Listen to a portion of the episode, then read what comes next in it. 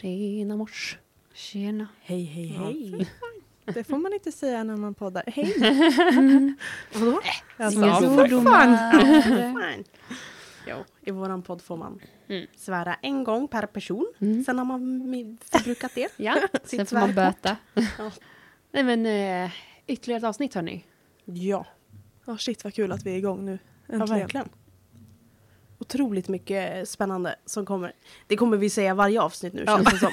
Det bara, det kommer komma jättemycket intressant framåt. Men nu börjar det ju planeras in i kalendrar och så. Jajamän. bara. Lite, Med gäster ja, och, precis. och gäster och vi sånt. kanske ska nämna att inom kort då kommer allas vår kära Per Jensen att gästa podden. Så Håll i, håll ut. ja, Ja. exakt. Missa inte det.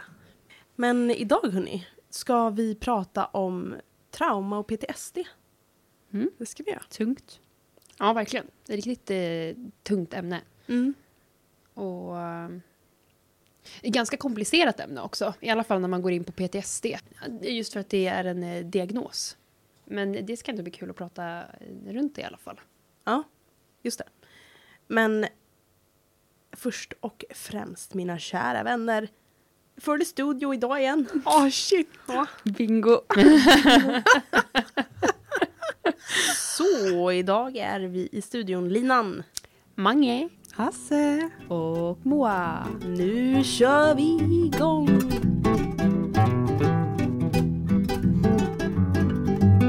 Okej, men hörni. Idag ska vi som sagt prata om trauma och PTSD.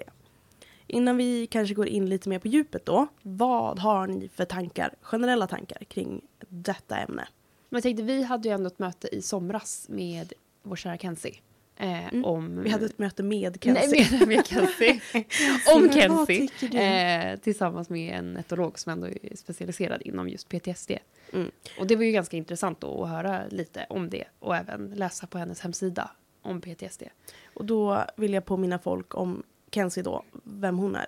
Exakt. Hon är ju våran hund då, som omplacerades till oss i mars i år. Mm. Och hon kommer från dödsbo och har, har en del i sitt bagage helt enkelt. Exakt. Hasse, vad tänker du? Tänker du något? Du ser lite tank, tank, vad säger man? Tanklös ut. ut. Nej, tankspridd. Okej, Inte tanklös. jag skulle mer säga tanklös. Okej. Men Ja. eh, Ja men det får man ju vara. Jag känner väl mer att trauma är ju lite lättare då än Mm. PTSD. Ja, det är ju Men det är lite lika bredare att prata om. Ja, Liksom. eh, exakt. PTSD är ju, som du sa innan Mange, att det är Mm. en diagnos. Liksom. Mm. Ja. Det blir väldigt specifikt. Eh, lite olika kriterier som behöver uppfyllas för att det ska klassas då som PTSD.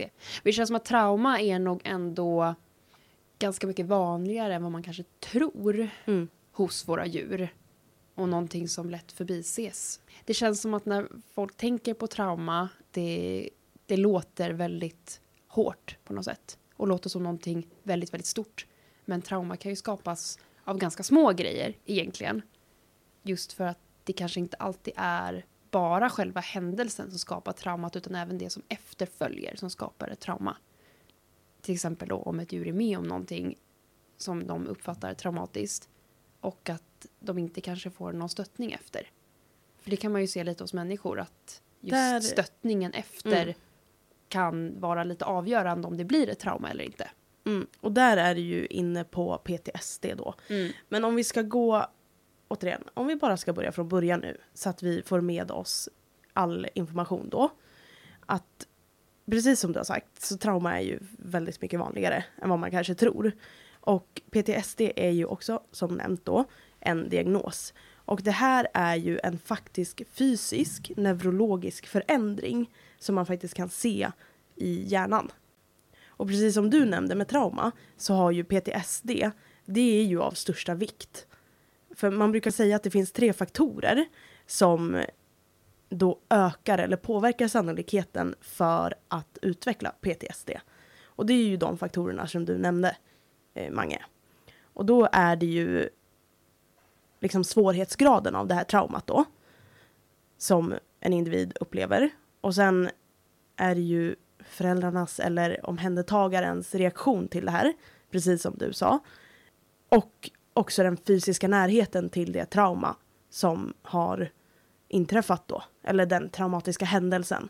Vilket ju också är anledningen till att det är så himla svårt att lite grann särskilja på PTSD och trauma. Mm. Och många gånger är det ju liksom samma sak. Ja, För ett precis. trauma är ju någonting som är så pass emotionellt stötande så att man ju påverkas av det framåt Mm. i livet. Ja men precis, för det blir ju liksom PTSD grundas ju i ett trauma. Men ett trauma behöver ju inte vara, hamna i PTSD. Nej, precis. För när man pratar om de två begreppen, egentligen kanske vi borde prata om det som samma sak. För det är väldigt svårt att särskilja. Men jag tänker att ett trauma kan ju vara att om en individ befinner sig i en situation som den tidigare har upplevt väldigt jobbig så kan man se symptom i samma situation. Men när det kommer till PTSD då kan man se symptom ifrån den traumatiska händelsen även i andra sammanhang i livet. Och det är väl kanske där någonstans man ändå kan börja särskilja de här då. Ja men precis. För jag tänker väl lite utifrån det mötet vi hade då i somras med Caroline Alupo då, då som hon heter. Så fick jag ändå uppfattningen av att PTSD blir till det lite extremare hållet. Mm. Jämfört med, alltså ett trauma behöver ju inte ha gått så långt att det blir PTSD liksom. Nej. Och att det kan vara lite svårt just, i alla fall med djur då, att faktiskt säkerställa att ja, men det här är faktiskt PTSD. Att det kan Mm. vara lite svårt att avgöra. Precis. Och jag har ju kikat lite närmare på det här och försökt liksom läsa på lite grann. Och det tråkiga med det här ämnet är ju att det finns så väldigt lite om djur. Fast de abs- absolut flesta studierna utförs ju faktiskt på djur. Mm. Vilket ju inte är bra. Men när man har gjort djurförsök då så har man ju inducerat eller framkallat ett trauma vissa gånger och sen så har man tittat på hur hjärnan ser ut före och efter och mellan kontrollgrupp och försöksgrupp. Och det här är ju givetvis ingenting som vi stöttar. Och sen har man ju också tittat på eh, människor och då har man tittat på hjärnan då hos individer som man tror kanske lider av PTSD och sen friska individer då. Och lite där någonstans har man ju kunnat kartlägga det här då. Som vi ju har nämnt nu så är det ju väldigt svårt att kunna kartlägga en sån här grej hos individer som inte kan prata. För mycket av kartläggningen av PTSD ligger ju i att individen i fråga då kan uttrycka sig och svara på frågor om emotionella tillstånd och vart de befinner sig någonstans rent mentalt. Ja men precis, för det är det som gör det svårt då när det är djur som inte kan berätta hur de upplever Mm. situationer. Det hamnar ju då i att man måste tolka djurets Mm. beteenden. Precis. Eh, Det känns som att vi lite återkommer till det här att vi aldrig kan benämna djurs känslor på Mm. riktigt. Liksom. Mm. Mm, verkligen, verkligen. Och det är ju så viktigt. För här knyts ju verkligen den aspekten in i det här området. Just emotioner hos djur och hur väl vi förstår dem. Min egna tanke då, för jag läste på lite om PTSD hos liksom, små barn som inte kan uttrycka sig. Och det, där någonstans hamnar man ju lite på samma, på samma blad som med djur. Vi har ju ganska lika emotioner har man ju kommit fram till nu. Och då tänker jag att man kan applicera mycket av den kunskapen man har på småbarn som inte kan prata på djur. Och då när man har tittat på småbarn då, alltså Spädbarn. ja men typ och barn under det första året då kanske, så har man ju då rapporterat generaliserade rädslor och främlings eller separationsångest och undvikande av situationer som antingen är relaterade eller inte relaterade till den händelsen som har utlöst PTSD då. Min spontana tanke i det här, de här symptomen eller de här beteendena är ju ganska vanliga hos våra hundar och djur generellt. Ja, Vad alltså har ni vi, för tankar där? ja, för alltså vi kan ju egentligen ta ett ganska konkret exempel bara nu med Kenzie då. då. För vi var ju ganska nyss här sjuka och hostade en del. Och vi har ju märkt ganska tidigt att hon är lite känslig för hostande. Det har Mm. inte varit ett jätteproblem, men man har märkt att hon blir lite orolig och gärna liksom behöver lite stöttning om någon hostar. Mm. Och när vi då vart sjuka och började hosta en herrans massa, eh, det triggade ju verkligen igång någonting i henne. Mm. Eh, och när det vart för mycket för henne så att hon inte kunde hantera det, då vart ju hon väldigt, då försökte hon ju bara ta sig ifrån situationen. Mm. Och vi bor ju väldigt litet och det vart ju väldigt svårt för henne då att ta sig ifrån situationen för att det fanns ingenstans att ta vägen. Nej. Och att det vart ett vankande och en otroligt hög stressnivå hos henne. Ja, det slutade ju med att hon satt och skakade. Ja. Och sen slutade det i att jag sov inne på toaletten för att lösa hela det här problemet. På tal om problemlösning. Så då. lösningen på problemet är då att sova Sov på inne på toaletten. toaletten. Exakt. Nej men jag tänker, om man då inte vill lösa situationen med att sova på toaletten, finns det några liksom andra lösningar som man då kan ta till? Som tips? Ja. Men också nej. Ja. Nej men så här är det ju med, och det här är ju mycket när vi pratade med Carolina Lupo i somras då om Kenzie. För att när vi fick hem henne förstod vi ganska snabbt att okej, det här är en individ som har med väldigt, väldigt mycket. Och både du och jag, Mange, kände väl att det här är saker som vi måste få hjälp med att lösa. För vi har liksom inte koll på de här typen av grejer. Och det som jag verkligen tog med mig från det tillfället och har tänkt väldigt, väldigt mycket på är det emotionella stödet som förstärkning när man tränar djur och hund då. Vad tänker ni när jag säger eh, det? Att det är jätteviktigt med emotionellt stöd. Mm. Visar din hund, ditt barn, alltså vem som helst tecken på att den behöver tröst så bör du finnas där. Mm. Mm. Lite samma sätt som du hade tröstat ditt barn så ska du trösta Ja. din hund. Och det här kopplar ju också till alla stresstillfällen då. Mm. Till exempel nyår. Där man också behöver kunna finnas där för sin hund. På tal om så är ju nyår verkligen någonting som förmodligen orsakar mycket trauman Ja. hos hund och alla djur överlag. Och kanske till och med PTSD.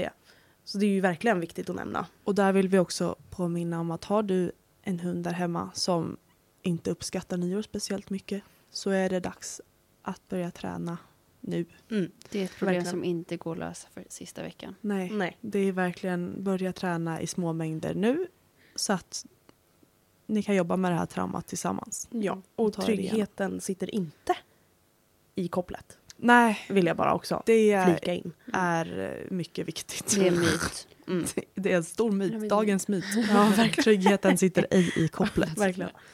Nej, men jag tänker också lite som vi har nämnt i tidigare avsnitt också, det här med när man ska... För jag menar ofta när man då upplever, för att utifrån oss kan det ju ibland kanske se ut som lite problembeteenden. Och att man vill då, att man hamnar i att man ska träna saker och ting för att det ska, för att man ska minska beteenden. Mm. Men det som är viktigt att tänka på, särskilt viktigt i sådana här situationer då, där man misstänker att hunden har ett trauma eller PTSD, är att i sådana situationer så är ju hunden ofta för stressad för att vara mottaglig för träning. Mm. Ja. För det är också där mycket liksom i att lägga upp en plan för hur man ska kunna hjälpa sin hund eller sitt djur då att komma förbi det här är ju att lägga upp en rimlig plan där hunden eller djuret då är mottaglig för det man gör. Mm. Så att det är ju precis som vi nämnde nu att liksom just med att, eh, att eh, skala upp långsamt och att lägga det på en nivå som inte är för svår och så vidare. Mm. Men också att med vissa grejer så kan det vara svårt att aktivt träna på det sättet. Ja, alltså speciellt som det här med hostan som ni har haft Mm. med Mm. Kenzie då. Alltså det, vad jag vet från er så har det gått att trösta henne till en viss grad. Mm. Eh, och eh, under dagen så går det bättre än på natten. Mm. Och då får man ju göra lite som ni har gjort nu när ni då inte haft tid att liksom hantera det här innan. Eller ens Mm. visste att det var någonting som behövde hanteras. Mm. Att man då får, ja, får lägga sig på toaletten. De, men man får ju liksom ta det man har och jobba med det man har. så. Mm. Det är lite det där vi kommer väl in med som vi har pratat om innan också, buffertnivå. Ja, Mm. Att verkligen. den är den jä- jätte, jätte, jätteviktig att arbeta med under Mm. hela tiden. Mm. Verkligen. Så man har den att falla tillbaka på när det blir akuta Mm. händelser. Mm. Mm. Verkligen. Och jag tror för Kenzie just med hostan också, precis som du sa nu Hasse, att det var väl egentligen den enda lösningen Mm. för att kunna ta bort majoriteten av alla triggers för henne i den miljön just då. Mm. För att sen kunna träna på det under situationer, alltså då under dagtid, Mm. när hon inte tog lika hårt på det här. Och det har ju faktiskt gett otroligt bra resultat. För att nu kan man hosta utan att hon ens reagerar. Och, och jag tror att det har varit av största vikt att dels att vi har funnits där emotionellt och faktiskt stöttat henne på annat sätt än att till exempel motbetinga. Det är ju ett sätt man kan arbeta på om man vill positivisera ett stimulus med hjälp av godis. Men det har liksom inte funkat för henne. Jag tänker att vi ska gå in lite mer på det alldeles strax. Men just den här, det emotionella stödet och sen att jag faktiskt gick in och sov på toaletten så Ja. att hon inte behövde uppleva de otroligt jobbiga traumakänslorna som kom på kvällar och nätter. För där var det ju verkligen också, det var ju så tydligt då att under dagtid så fanns ju vi där och kunde stötta henne. Mm. Men när vi gick och la oss och man somnar och sen kanske vaknar upp av att man hostar eller Mm. under att man försöker somna och hostar. Då hade ju inte hon någon stöttning och det var ju det som framkom så tydligt. Varför det vart problematiskt på nätterna. Mm. Just för att då vart hon ensam i sina känslor. Mm. Och fick ingen stöttning och det gjorde ju att allting lite grann fallerade. Och att vi hamnade i den situationen att vi behövde bryta mönstret och Mm. eh, att eh, få bort henne från de här triggerserna som vart för mycket för henne.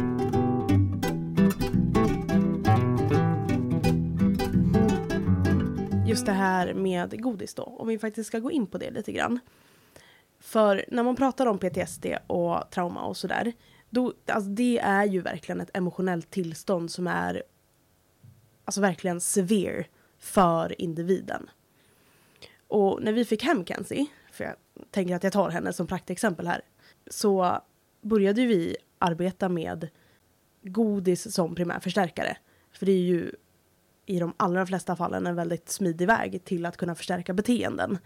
Men det vi märkte var att hon hade utsatts, eller hon hade utvecklat någonting som kallades för poisonous food. Och det här är ju då ett fenomen som kan hända när en individ börjar associera godis med jobbiga negativa känslor för att man har jobbat med det här då i traumatiska situationer. Kan också vara bara på fel sätt. Som Mm. man har arbetat med godis. Mm. Det behöver inte vara en Absolut. traumatisk situation men det kan bara bli fel. Mm. Verkligen. Och så är det ju verkligen. Och för Kenzie då hade hon utvecklat så fort hon kände att hon var lite stressad i en träningssituation då och vi började arbeta med godis. Då utvecklade hon, eller då började hon uppvisa ännu mer av de här symptomen som tyder på trauma. För att hon hade börjat associera, så fort det är en negativ eller jobbig situation för henne, då har man arbetat med godis tidigare i hennes liv. Och då gör ju det här liksom att det blir ännu värre. Mm.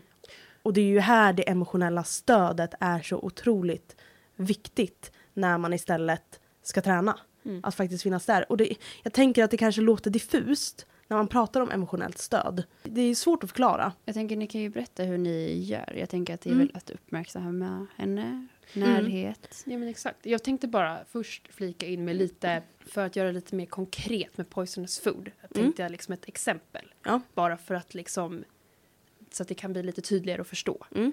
Och då skulle vi kunna tänka oss att vi har en hund som tycker att det är väldigt jobbigt med hundmöten. Att den blir orolig och rädd och kanske skäller och visar, ja men gör utfallsliknande beteenden eller vad som helst. Och att i många situationer då så tänker man ju att ja men okej, jag arbetar med godis här för att ha fokus och att göra det till en positiv situation istället då när vi möter andra hundar. Problematiken kan vara då att om man introducerar godisen till hunden innan den ser att det kommer en hund så är risken då att hunden till slut märker att du tar upp godis. Vart är hunden? Att hunden istället då kopplar godiset till att nu kommer det någonting jobbigt hända. Och att det därför är av yttersta vikt när man introducerar godis i sådana här situationer. För att man kan använda godis i sådana här situationer men man måste göra det på rätt sätt. För att gör man det då på det här sättet så riskerar man att skapa en negativ association till godiset. För att På promenad. på promenaden då. Och där tänker jag att det ligger mycket i om den här individen faktiskt har PTSD, trauma, eller om den bara är reaktiv för någonting. För det är ju, bara för att man reagerar på någonting betyder det inte att man har ett trauma. Det Nej, kan ju vi exakt. människor göra. Ibland blir man ju rädd för någonting och har lite jobbiga känslor inför en situation, men det är inte ett trauma. Mm. Och det är ju där hela kruxet med PTSD och trauma kommer in. Att det är, det är väldigt svårt, men det är viktigt att försöka reflektera över, okej, är det här faktiskt ett trauma för min hund eller är det bara en jobbig situation, om man säger. Men jag tänker att även i jobbiga situationer, att det behöver inte vara så eh, dramatiskt att det är ett trauma, så kan man fortfarande riskera att hamna i att det blir poisonous food. För att, eh, att hunden upplever negativa emotioner vid till exempel då ett hundmöte. Det behöver ju inte ligga ett trauma bakom det. Det kan ju bara vara att de tycker att det är jobbigt att mötas nära på gångvägar och att det är liksom jobbiga känslor. Och att då introducera godisen innan hunden har sett eh, den andra mötande hunden då. Om man gör det några gånger så riskerar man att hamna där. Även om det inte är ett bakomliggande trauma. Utan det är just de här negativa emotionerna som då kan puttas över på godisen. Att när man då tar upp godisen så börjar hunden istället söka efter vart det är hunden nu. För att jag tycker att det är obehagligt. Det är Men hur väldigt tänker- vanligt. Mm. Men hur tänker du då eh, att man skulle kunna göra istället? För att undvika poisonous food För att i den situationen då? Oh, alltså har man redan hamnat i poisonous food så måste Nej, alltså eller, för att innan. undvika Ja. att hamna i poisonous food. För att undvika att hamna i poisonous food så är det viktigt att hunden ser att det kommer en annan hund innan man introducerar godisen. Och då kan man ju behöva jobba med avstånd, att man ändå är på tillräckligt avstånd att hunden kanske inte då hinner reagera negativt så för att det är för nära. Eh, men att hunden behöver ha uppfattat det som är jobbigt innan man börjar jobba med godisen. Och på så sätt så undviker man då att skapa den här negativa associationen till godis. För då har du redan uppfattat och sen så är det liksom, du ser att det här är hunden, det är jobbigt. Men nu försöker vi jobba på det här och skapa en positiv association till hunden istället. Jag vill också flika in att det är ju verkligen viktigt att man inte kommer över den här stress. Mm. tröskeln Mm, då. Precis. Innan man introducerar godiset. Exakt. Så det ska ju vara som Mange sa på ett, ett sånt avstånd Mm. att hunden inte kommer upp i den stressen. Mm. Men hunden måste fortfarande se den andra hunden som kommer. Mm. Och jag tänker eh, att det är just det väldigt viktigt att hålla sig under den eh, tröskeln då för varje individ. För när man hamnar över den är ju oavsett vad man gör och hur man gör, även om man gör rätt så finns ju risken att det faktiskt hamnas, hamnar i poisonous food. Mm. Och det är väldigt vanligt också om främmande människor som en hund inte är så bekväm med ger godis. Exakt. Det är en otroligt vanlig orsak till poisonous food.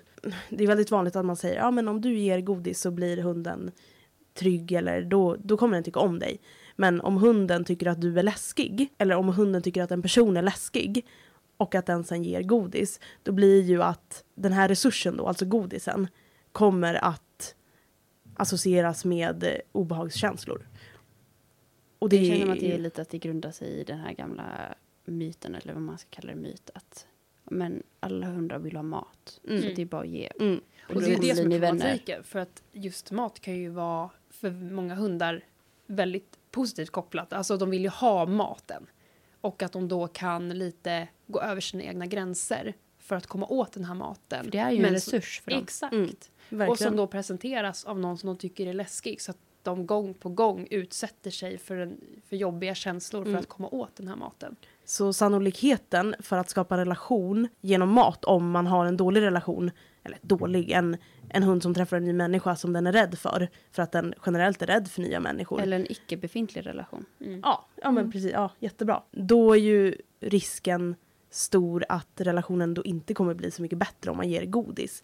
För att den här obehagliga personen, enligt hunden då, upplever att den sitter på en resurs som den vill ha. Mm. Då. Nej, för det är ju någonting som Kenzie har varit med om tidigare. Att hon har fått då ta emot mat och godis av personer som hon tycker är väldigt, väldigt läskiga och obehagliga. Mm. Och det kommer fram titt som tätt då när hon blir för obekväm i situationer att presenterar man godis då så blir det bara värre. Mm. Eller att hon egentligen inte vill, eller hon avstår gärna att äta från främmande människor. Ja, det gör hon ju. Eh, Men även med vår skeptisk. träning. Mm, Att ja, jag upplever absolut. ju att om vi försöker träna med godis i för jobbiga situationer för henne Mm. så blir situationen värre. Mm. Även om man belönar tekniskt sett på rätt sätt i rätt liksom, stund och allting, bara av att maten finns där, så är, kopplar det till gammalt obehag.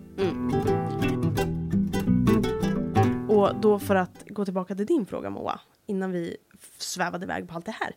Hur vi faktiskt gör med henne då. Det är att när hon upplever en jobbig situation, när vi är alla tre tillsammans då, alltså jag, Mange och Kenzie. Då sitter jag med Kenzie och är emotionellt närvarande med henne. Och håller gärna en hand på hennes bröstkorg för att det ger lugnande stimulans. Den, det området på hundar utsöndrar ofta lugn. Om den berörs på det stället då då utsöndrar det typ av lugn hos hunden då. Så det brukar jag göra med henne. Och sen så går du Mange och ställer dig en liten bit framför. Om det är någonting, beroende på situation då såklart. Om det är någonting som hon upplever som läskigt eller jobbigt. Men mycket också jobba med att hon också kan vara eh, bakom oss Mm. istället för framför. Och att inte vara för långt ifrån oss. För att jag upplever också att ju längre avstånd hon har till oss desto liksom mer uppjagad kan hon också bli. För att Mm. hon nog känner att hon behöver ta hand om hela situationen själv.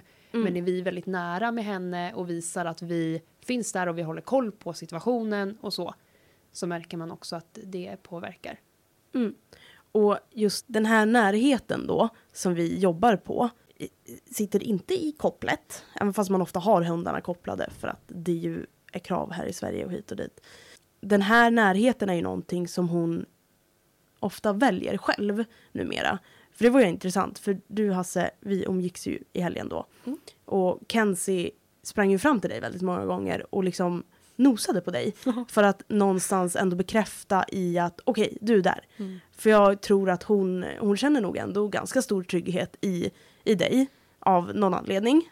Så verkar Ja, det så. alltså hon, hon vill gärna komma nära. mm, Eh, sen är ju inte jag den som, när hon kommer fram så böjer inte jag mig ner för att klappa på henne. nej. Utan det, då får hon gå till er om hon vill ha just Mm. den stöttningen. Mm. Men jag upplever ändå att just under den här helgen när vi ändå umgås väldigt mycket Mm, så har hon faktiskt kommit fram och bara gått eller ställt sig vid min sida mm, när det har varit något som har varit lite Mm. stressigt. precis. Och det har gett henne det hon behöver från mig.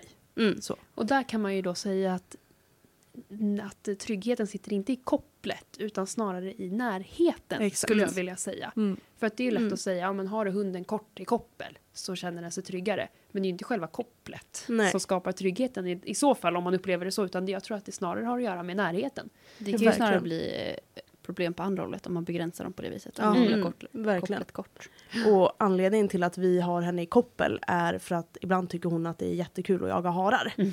Så, så man kan inte Men det är ju också koppeltvång henne. på många ställen i Ja, Sverige. där exakt. Mm. man kan inte bara Nej. gå löst. Mm. Så grejen med att hon, har, hon är nära oss är ju för att hon väljer det själv. Mm. För att vi har tränat med emotionell närvaro som primär förstärkare.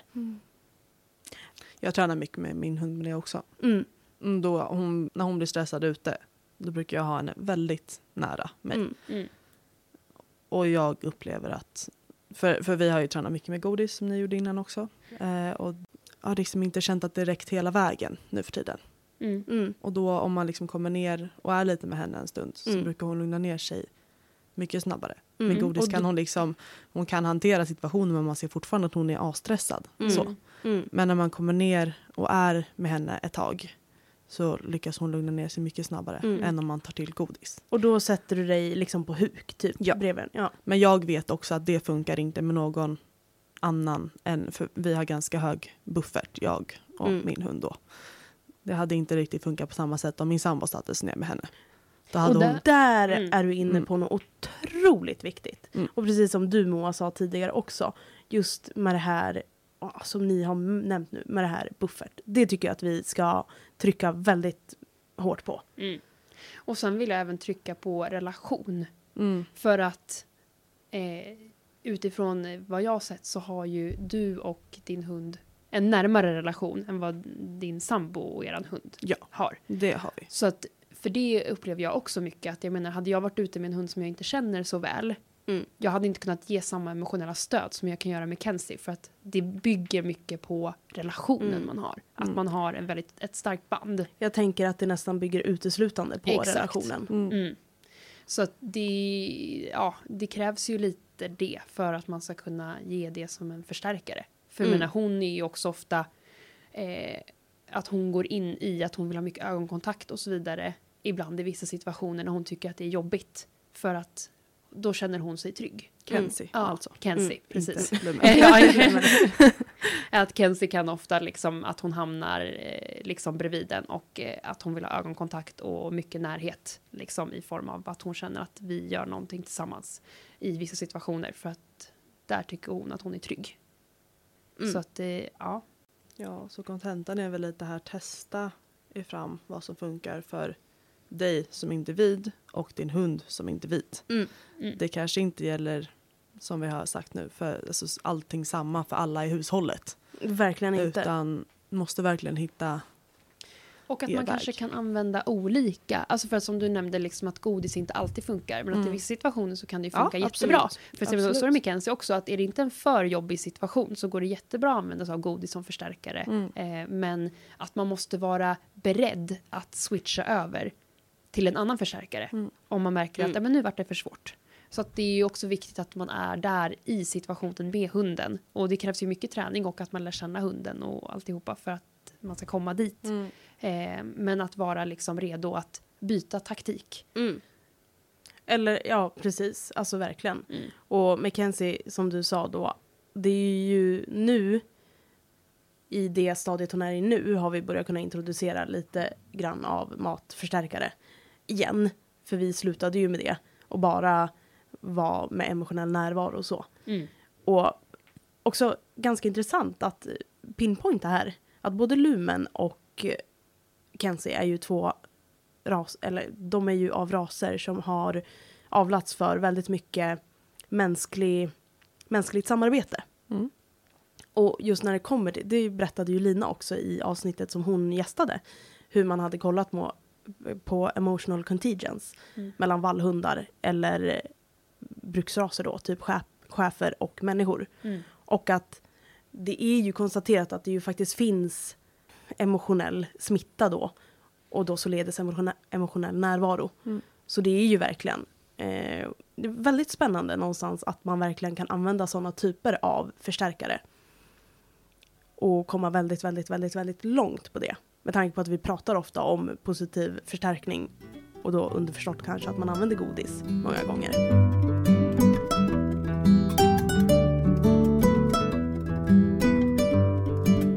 Okej, men hörni. Jag har en dagens fundering. Spännande. Ja. Wow, wow. Nu har vi ju pratat mycket om hund och PTSD. är det någon som har missat det? eh, men jag tänker så här, för då har vi ju tagit upp att rädsla är väldigt vanligt hos, hos PTSD-individer. Och sådana typer av beteenden, också aggressivitet och alltså alla de här typiska beteendena som man kan se hos en stressad individ. Och då tänker jag på häst. Som de allra flesta vet så är ju hästar flyktdjur som ju ganska ofta ändå i vårt samhälle uppvisar rädsla. Ju. 99,9 procent.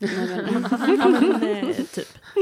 Och också som vi har tagit upp nu så är ju utvecklingen av PTSD ligger ju i en komponent då i sättet av hanteraren att hantera situationen då. Och då tänker jag så här, hur många hästar är det som flyr av instinkt och hur många hästar är det som uppvisar rädsla på grund av PTSD? Och Eller vad trauma, är vad? kanske. Eller trauma. Mm. Förstår ni vad Ja. jag menar? Mm. För det är ju ganska lätt att ignorera och låtsas som att den är tramsig istället. Mm. Inte låtsas, men att se det som att den är tramsig istället. Mm, verkligen.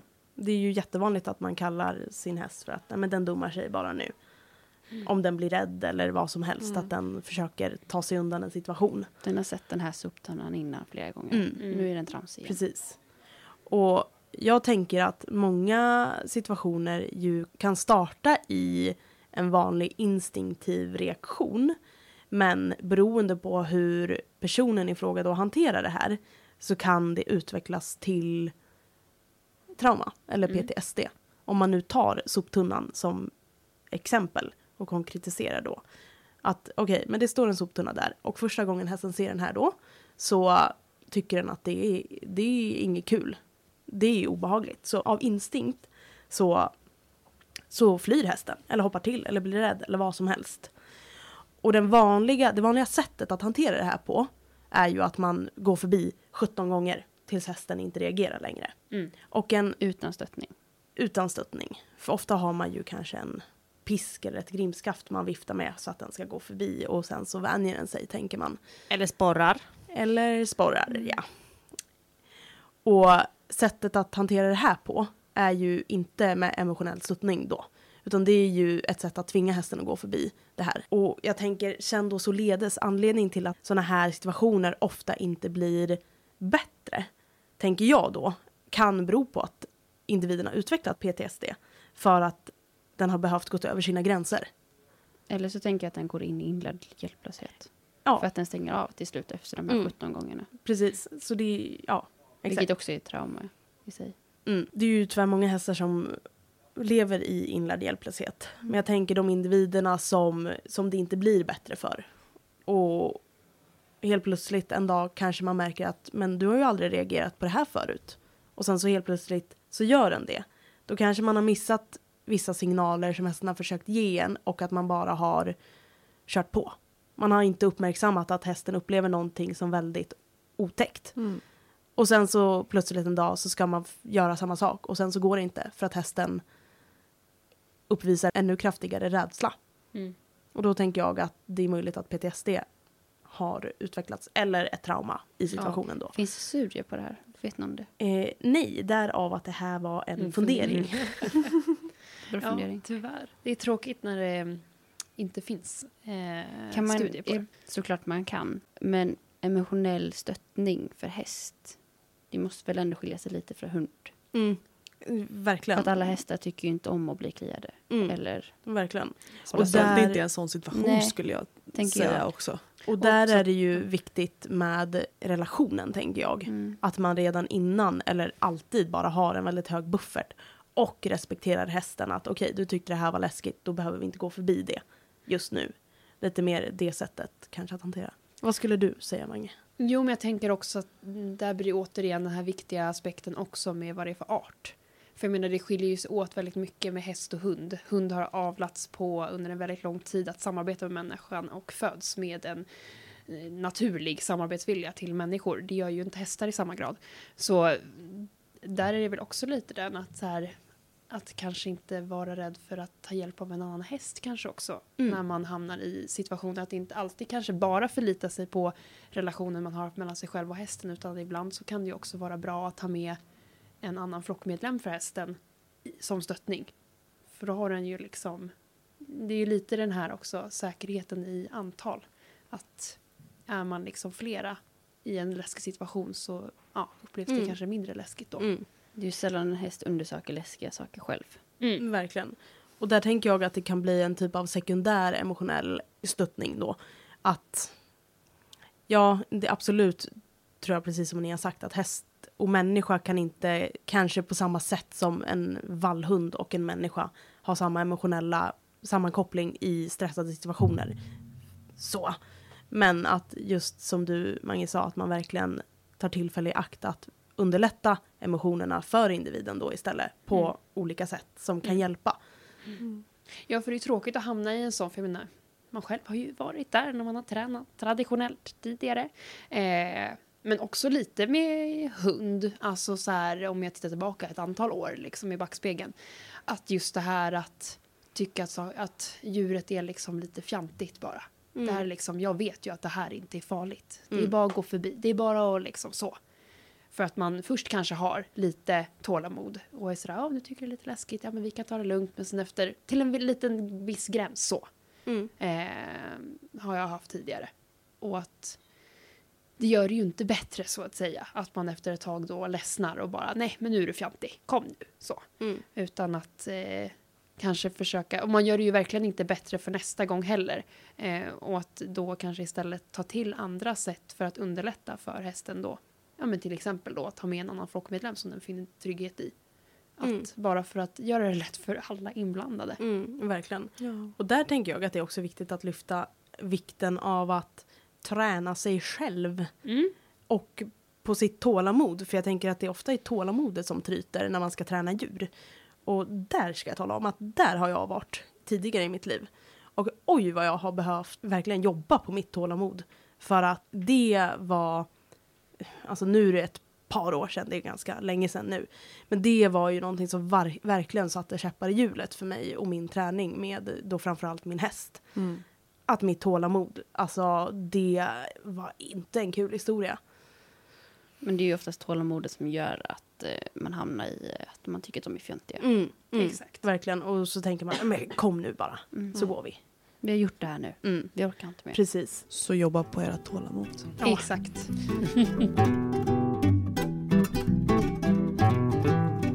Men eh, jag tänker nu hörni så har vi ju dedikerat det här avsnittet till trauma och PTSD och Mm. eh, lite häst, lite hund och så. Ska vi försöka ha lite take home message? Jag tror bara att det är viktigt. Alltså, dels om man misstänker att hunden har ett trauma eller PTSD. Eller ditt djur överlag Ja, djur överlag Mm. så. Jag hade ändå kanske rekommenderat att liksom läsa på och eh, eventuellt ta hjälp. V- För- för inte att- eventuellt. Ta hjälp. Ja, men beroende lite på ens egen kunskap. Ja. Så. Ja, för att jag menar eh, så. Och det finns Men ju trauma och trauma. Vissa kan man faktiskt jobba med hemma själv. Ja, men exakt. Så att det beror ju på graden Ja. och alltihopa. Men att eh, verkligen överväga eh, noggrant om man eh, kanske ska ta hjälp. För att eh, det värsta som kan hända är att man känner att man går därifrån och känner att ja, men jag har nog koll på läget. Mm. Så. Annars så är det ju liksom att få input från någon som är kunnig om det. För att lägga upp en plan hur man ska jobba framåt. Det är A och O. Där, ha en bra tänker jag, plan. ja, där tänker jag också lite att liksom en milstolpe man kan ha är att försöker jobba med traumat hemma själv och, och inte lyckas så bra utan det går bara åt fel håll. Då känns det som att det är verkligen dags att ta hjälp. Mm. Kanske. Verkligen. Mm. Jag tycker att det, det var verkligen revolutionerande för oss. Mm. att ta verkligen. hjälp som vi gjorde i somras. Även fast vi tyckte att vi hade ganska bra koll innan på Kenzie. Men vi hamnade i en liksom, situation att vi kände att vi behöver hjälp nu. Mm. För Mm. att det går inte åt rätt håll. Mm. Och vi lärde oss otroligt mycket av Verkligen. det mötet. Och det var ju då vi insåg att hon faktiskt led av PTSD och Mm. trauma. Mm. Och att det inte bara var att hon var inom citationstecken eller att hon hade vissa beteenden som var oönskade från våra, vårat håll. Mm. Utan det var liksom det, det, var, det var på riktigt. Alltså hon hade Det var och lite har på. PTSD. Ja. Så. Där kan jag flika in med min take home message. Mm. Var inte rädd för att vara där emotionellt stöttande Nej. för din hund, djur, vad som helst. Sambo. Sambo. Nej, Men alltså emotionell stöttning är så viktigt. Mm. Och jag tror att många tänker inte, alltså det behöver inte vara så att man inte ens vill utan man kanske bara inte tänker på att det Mm. har en så stor liksom, påverkan. Mm. Verkligen. Och då vill jag fortsätta på det. Att ta tillfället i akt att faktiskt fokusera och jobba på relationen Mm. och Buffert. reflektera över den. Och precis, buffert. För att det är ju nog svårare att finnas där emotionellt om man inte har en fin relation med sitt djur. Ja. Jag vill också slå ett slag för att, som vi har sagt flera gånger i den här podden, att djur beter sig inte bara för att. Utan när det kommer till vissa beteenden så är det för att de har väldigt kraftiga emotioner kring den här situationen. Och ibland är det omöjligt för djuret att bete sig som man önskar. Det är sällan ett djur gör så för att vara dumt. Precis. Och att man måste se med lite empati över varför djuret beter sig som det gör. Även fast det kan skapa lite oreda för en själv och att det är lite bökigt och hunden kanske inte uppskattar att följa med på saker eller vad som helst. Men att någonstans behöva, eller att, att någonstans bara tänka att här kanske det finns jobbiga känslor bakom. Och Mm. det finns en förståelse för det. Och verkligen, och där är också det här återigen med att ta hjälp. Att kunna bolla med någon som är kunnig. Det kan ju också lite hjälpa en att förstå kanske beteende som man har sett under en lång tid men inte har reflekterat så mycket över. Men att när man lyfter det till en person som, som vet vad de pratar om så att det kanske går att se det på ett annat sätt och att man inser att ah, men okej, jag kanske kan hantera det på ett helt annat sätt och att det kan hjälpa. Mm.